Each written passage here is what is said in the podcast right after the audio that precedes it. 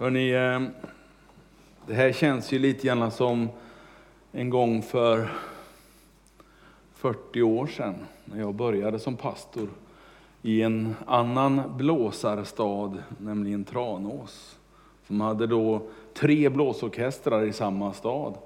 Det var Pingstkyrkans blåsorkester i ljusblåa tröjor och det var Frälsningsarméns blåsorkester, ni vet med eh, uniform och hela balletten. Och så var det stadens eh, blåsorkester. Eh, det var för en omusikalisk eh, pastor som jag fortfarande är, så var det en glädje då att få vara där och lyssna på dem. Och se dem marschera från tre olika håll in på den stora paradgatan, Storgatan, med alla kaféerna till Stortorget och så spela en fantastisk konsert där. Eh, sådana där minnen man får när man lyssnar på eh, blåsmusik. Tack så mycket för eh, att ni är med här idag. Det har glatt mig mycket att få höra de här sköna tonerna igen.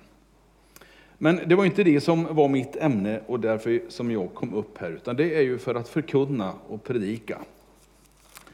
Och jag vill läsa ur Lukasevangeliets Lukas evangeliets första kapitel. Det är inte julevangeliet jag ska läsa, men det är dock första kapitlets 30 till 35 vers. Det är egentligen det tillfället när, när ängeln uppenbarar sig för Maria. Eh, och det kanske är lite för nära juldagen för att stämma i tid och sådär, men ibland så får man ju liksom ta det som det är. Lukas kapitel 1, verserna 30 till 35. Då sa ängeln till Maria, var inte rädd, du har funnit nåd hos Gud. Du ska bli havande och föda en son och du ska ge honom namnet Jesus. Han ska bli stor och kallas den högste son och Herren Gud ska ge honom hans fader Davids tron. Han ska vara kung över Jakobs hus för evigt och hans rike ska aldrig ta slut. Då sa Maria till ängeln, hur ska detta ske? Jag har ju inte haft någon man. Ängeln svarade henne, helig, den helige ande ska komma över dig och den högstes kraft ska vila över dig. Därför ska barnet som föds kallas heligt och Guds son. Amen. Det där lilla barnet i krubban i Betlehem för så många år sedan var ju inte bara ett barn, var ju inte bara en liten bebis. Att Gud blev människa är det stora undret i den här berättelsen.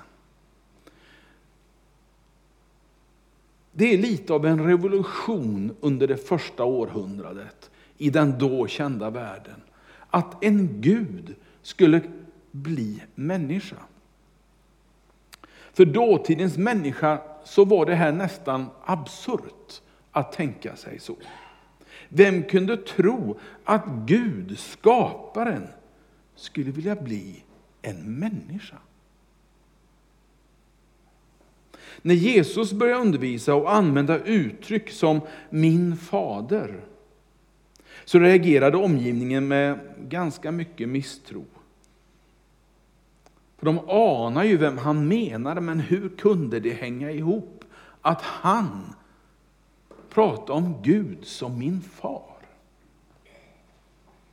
Under det första och både första och andra århundradet så fanns det många kristna som hade svårt att tro på det här, att Jesus var både Gud och människa. Så ehm, i det kristna stormötet med alla potentater och biskopar ifrån massa olika fraktioner som redan hade börjat dyka upp i kristenheten. I en liten stad som heter Nicaea i början på 300-talet så ehm, antas den trosbekännelse som vi har översatt och som finns också på svenska och som många kyrkor läser till och med nästan varje söndag. Där slås det fast att kyrkorna, de som går i kyrkorna, tror på att Gud blev människa. Vilket teologerna kallar för inkarnation. Inkarnationsläran. Och det här tänkte jag stanna för lite grann under några minuter. Att Gud blev människa. Kanske det är självklart för dig, jag vet inte. Kanske det är nytt för dig. Och då förstår jag om du blir lite konfunderad. För det här är inte enkelt att liksom bara säga, ja det är klart. Utan det tål ju att fundera på lite grann. Och det gör vi väl kanske till mans, även om vi har trott på Jesus sedan vi var små i skolan. Så har man ju svårt riktigt att greppa, hur är det överhuvudtaget möjligt? Att Gud blir en människa, kliver in i vår värld på våra villkor. För att där lösa problematiken som skilde Gud och människa åt. Att kliva in i det scenariot var kanske det största undret som jag kan tänka mig har skett på vår jord. Det börjar ju med det här änglabesöket som jag har läst. Änglabesöket som Maria får, denna unga kvinna, kanske inte mer än 13-14 år. Ja. Jag har ju två döttrar och de har varit 13 och 14 år. Jag har svårt att tänka mig hur, det skulle, hur de skulle ta det och hur Maria tog det. Men en sån, hur ska jag uttrycka det, med en sån fattning, med en sån tro på Gud. Hennes kusin Elisabet fick samma budskap. Du ska bli havande Elisabet. Du är gammal, men det är lugnt. Gud ska hjälpa dig så du blir havande. Ja, sa Elisabet och Sakarias, det är lugnt. Det löser sig nog så småningom. Men, eh, men na. Kommer ni ihåg den berättelsen? Finns där i evangelierna den också. Men Maria kliver in i det här med någon slags tro att ja, men det här är nog möjligt. Hon får höra att det är den högstes son. Det är Guds son. Det är honom som du ska ge mat, som du ska uppfostra, som du ska låta växa upp. Den högstes son. Kanske att hon redan här begriper att ja, det är nog ingenting som Josef kommer att ha att göra med egentligen, i alla fall inte i tillblivelsen. Sen ska han nog vara med och uppfostra, men hon anar att här är någonting väldigt speciellt på gång. Hon får också höra att han ska få Davids tron. Och David räknas fortfarande bland de judiska troende och bland Eh, i Israel som den störste av konungar i det landet. Davids tron har blivit ett uttryck för Guds makt bland folk. Guds makt i Israel, Guds makt bland judarna Davids tron skulle Jesus få. Det skulle vara ett välde, ett rike kanske vi skulle säga, ett land kanske vi skulle säga, som aldrig tar slut. Och då anar vi att det kanske inte ens är Sverige, trots att vi har gamla anor, eh, så kanske inte ens det, det geografiska riket som här tänks på, utan ett välde utan slut, ett rik utan slut. Det handlar mer om det Gudsrike som Jesus talade om i evangelierna. Att Gud blir människa möter vi alltså redan när Maria får budskapet om vad som ska hända. Och det förmodar jag är ungefär nio månader före han föds. Ehm, jag är ju inte varken det ena eller det andra när det gäller biologi och, och doktorer och sådär, men så mycket har jag varit med om under fyra barns eh, förlossning och sådär, tillblivelse och förväntan och sådär. Det brukar ta ungefär nio månader. Det finns en, en annan intressant del och ett sammanhang som jag gärna vill hänvisa till lite grann, som handlar om Jesu gudom. Och det kanske är det vackraste som har skrivits om starten. Jag tänker på det fjärde evangeliet. De tre första evangelierna, Matteus, Markus och Lukas, är ganska lika. De är ganska lika i sitt uttryckssätt och i hur man berättar. Sen kan det skilja lite grann var berättelserna kommer i olika sammanhang. Men Johannes, han är helt fenomenal. När han ska berätta och introducera Jesus för sina läsare, så börjar han på ett helt annat sätt. Han börjar med ett uttryck för att få läsaren att förstå att Jesus inte bara var ett litet barn, eller för den delen en fullvuxen man.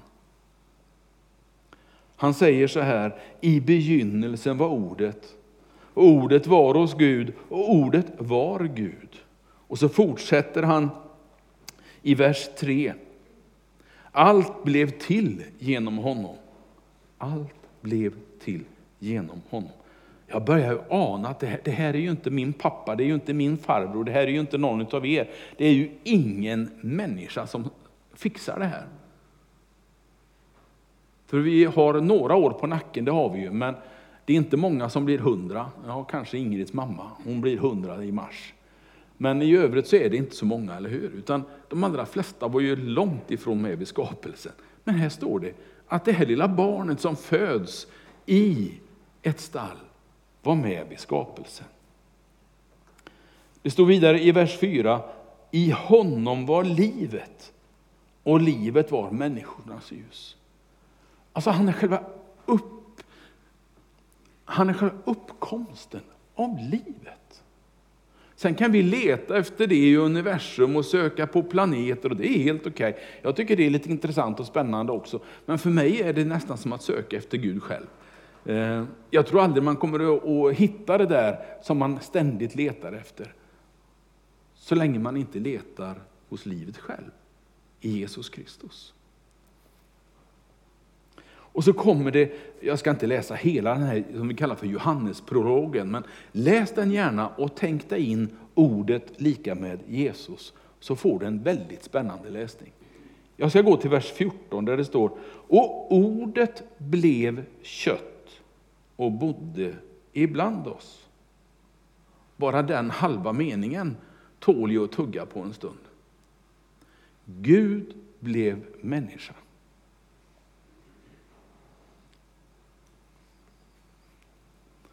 Han bodde ibland oss.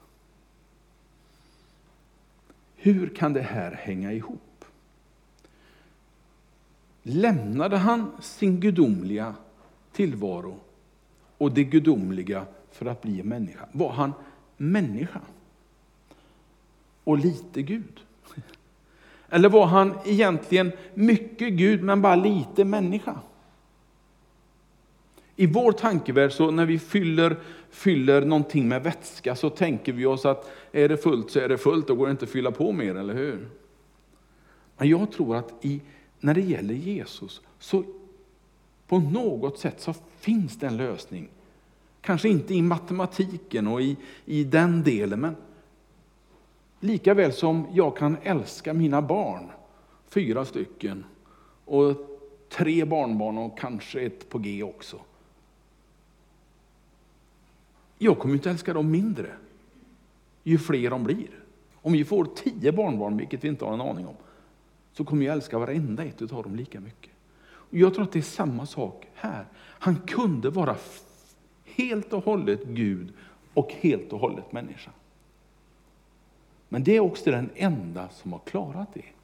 Det är den enda som har fått de premisserna.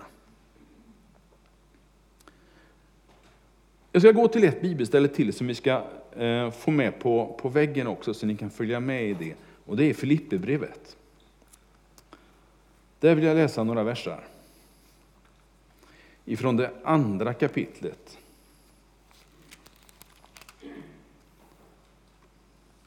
Och det här, det jag sysslar med nu helt och hållet, är att försöka att, att förklara på något sätt och påminna om att Jesus var Gud och människa. Så det är i det ljuset som jag läser eh, Filipperbrevet 2, verserna 5 till 11. Var så till sinnes som Kristus Jesus var. Han var till i Guds gestalt, men räknade inte jämlikheten med Gud som segerbyte, utan utgav sig själv och tog en tjänares gestalt och blev människa, blev människan lik. När han till det yttre hade blivit som en människa, så ödmjukade han sig och blev lydig ända till döden, döden på korset. Därför har Gud också upphöjt honom över allting och gett honom namnet över alla namn. För att i Jesu namn alla knän skall böjas, i himmelen och på jorden och under jorden.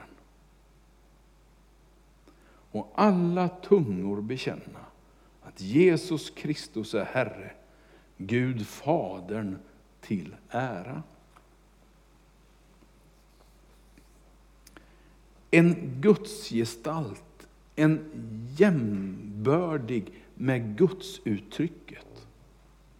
I den judiska tron så var det här inte lätt att anamma, för den judiska trosbekännelsen handlar om att Gud är en. Gud kan inte vara tre. Det är en jättesvår sak för en jude att ta emot treenighetsläran. Och det har jag respekt för. För de har en sån fantastisk tro på sin, på sin eh, trosbekännelse om att Gud är en. Men här möter jag Paulus undervisning. Hur liksom han, han har med både Gudsuttrycket, Jesusuttrycket och den heliga andeuttrycket. Ungefär som om det vore en person alltihop. Och det tycker jag är lite fantastiskt att fundera på. På samma gång som han målar upp Jesus som en fantastisk och Guds lik människa, så säger han också att han är ödmjuk. Det där är en sån fantastiskt spännande blandning. Ödmjuk och lydig. Han blev en av oss, skriver Paulus. Han blev en människa alltså. Han fick ett namn och det kommer ju redan i Lukas-texten. Där Maria får höra att eh, du ska ge honom namnet Jesus. Nämligen Guds frälsning. Det är det det handlar om redan från början. Och läser du gamla testamentet så är Jesaja inne på samma ämne. Han talar om Emanuel-namnet. Gud med oss. Jesus Kristus.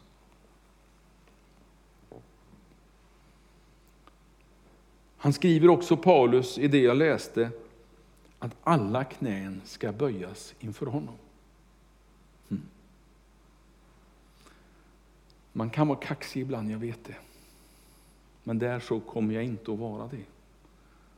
Jag står där inför honom en dag. I någonting som jag kallar för en himmel. Någonting som jag inte kan beskriva för dig hur det är eller hur, hur det blir. Men på något sätt så kommer jag vara där och jag önskar att du är där. Jag vet att Jesus kommer att vara där. Och jag kommer att knäböja inför och säga, Jesus Kristus min frälsare, tack.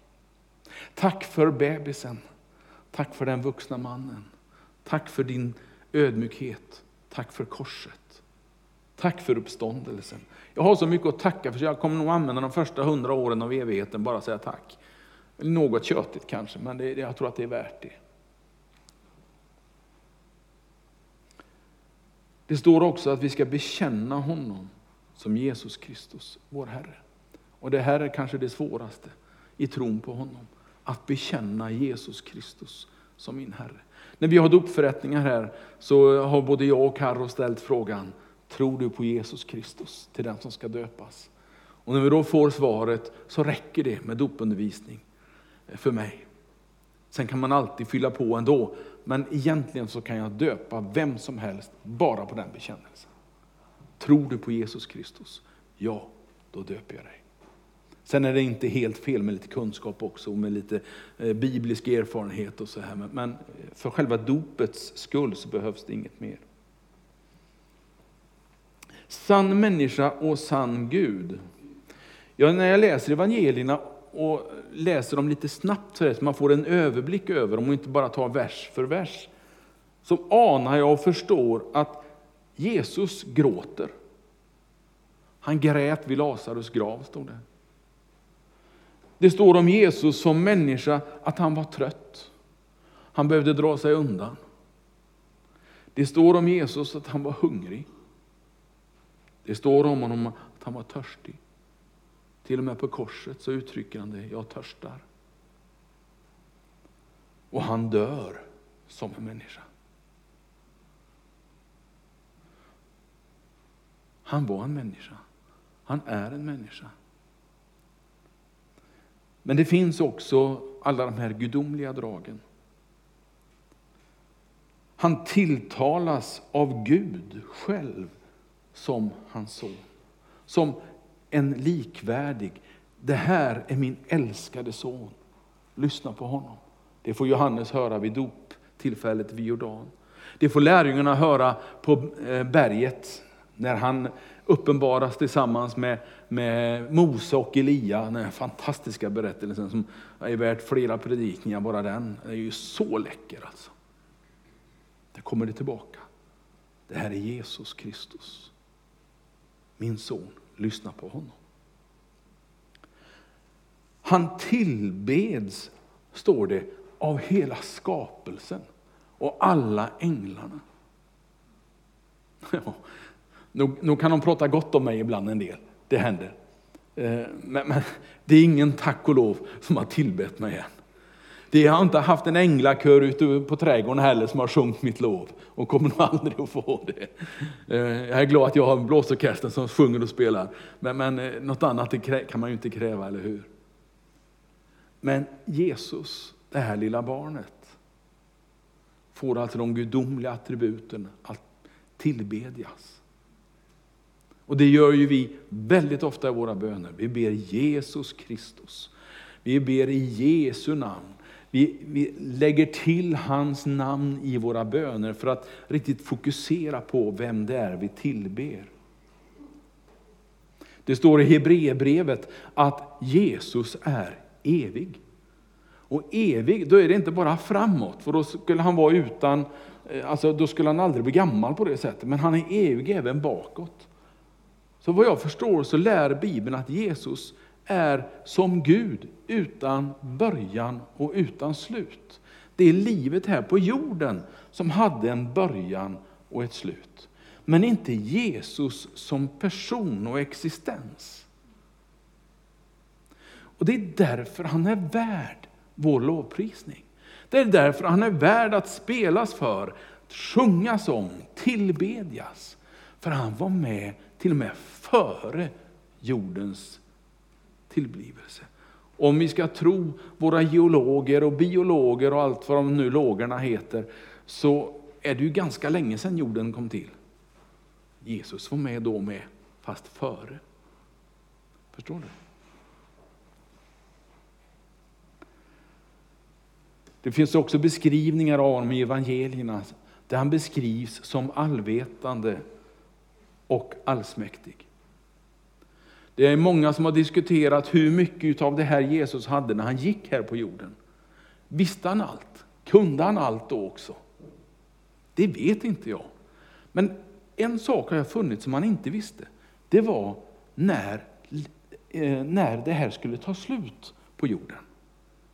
Det hade han inte koll på då. Det säger han själv. Det är bara far i himlen som har koll på det. Jag vet inte på den frågan. Liksom, så, så ger han det svaret. Annars så tror han, det verkar som han kunde det mesta. Han läste människor på ett fantastiskt sätt. Bättre än vad någon människa som jag har hört kan läsa någon. Så läste han människor och förstod dem. Han var en profet. Han kunde avslöja en kvinna vid en brunn och säga så här har du det, trots att han inte kände henne och aldrig träffat henne. Så det fanns de här dragen hos honom, naturligtvis. Att Jesus blir en mänsklig tjänare och är Gud går inte att jämföra i några andra religioner.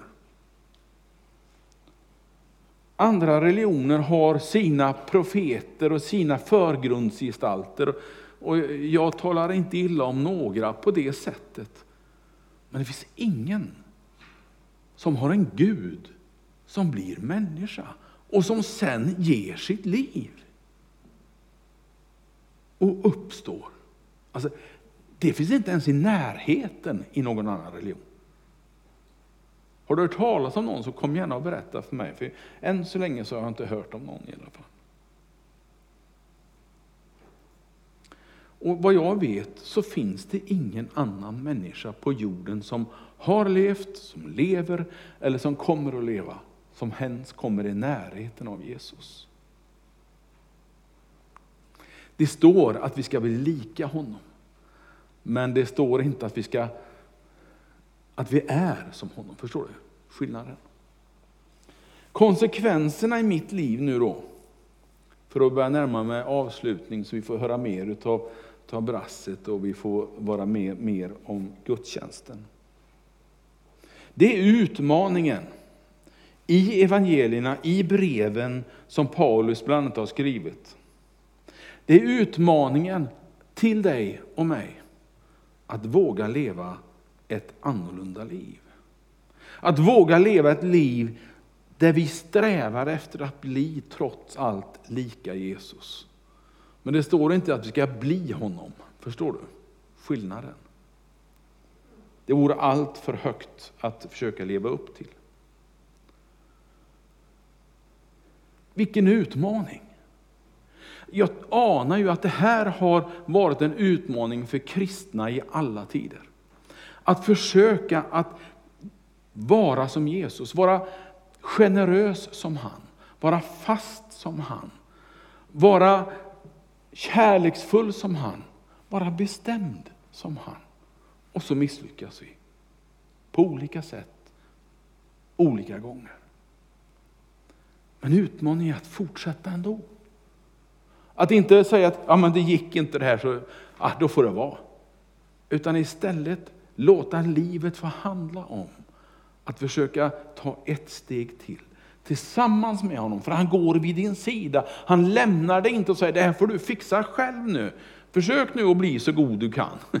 Utan han säger, jag ska gå med dig. Jag ska låta dig få den helige ande till hjälp.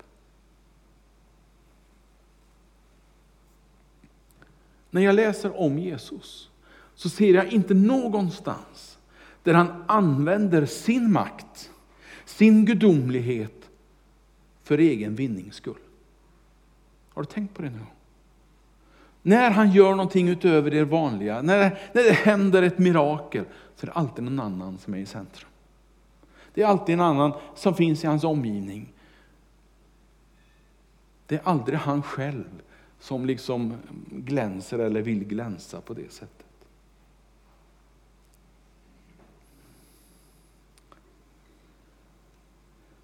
Det är precis som Paulus skrev i sin femte vers. Nu ska vi se om man kan bläddra tillbaka dit lite snabbt. Där. Det andra kapitlets femte vers där det stod så här. Var så till sinnes som Kristus Jesus var. Våga följa hans mänskliga exempel. Våga följa honom. Det är vår utmaning och det är utmaningen till dig och mig idag också. Den här helgen, den här julhelgen också. Att inte bara titta på en fantastisk krubba som vi har här i våran kyrka. Eller kanske skapa en egen krubba hemma och titta på Jesusbarnet. Eller se korset där han dog. Utan utmaningen det är att följa honom i livet. Ständiga utmaningen. Varje dag. Herre, hjälp mig att följa dig idag också. Ta det som en uppmuntran att eh, alla försöker så gott de kan, men det är ingen som lyckas fullt ut. Och det är väl kanske en tröst också. Det vore ju för bedrövligt om de kunde visa på en som verkligen har lyckats och så ska vi bli lika den personen. Nej, det är Jesus fortfarande som är vårt föredöme och som vi ska följa och vara lika. Amen.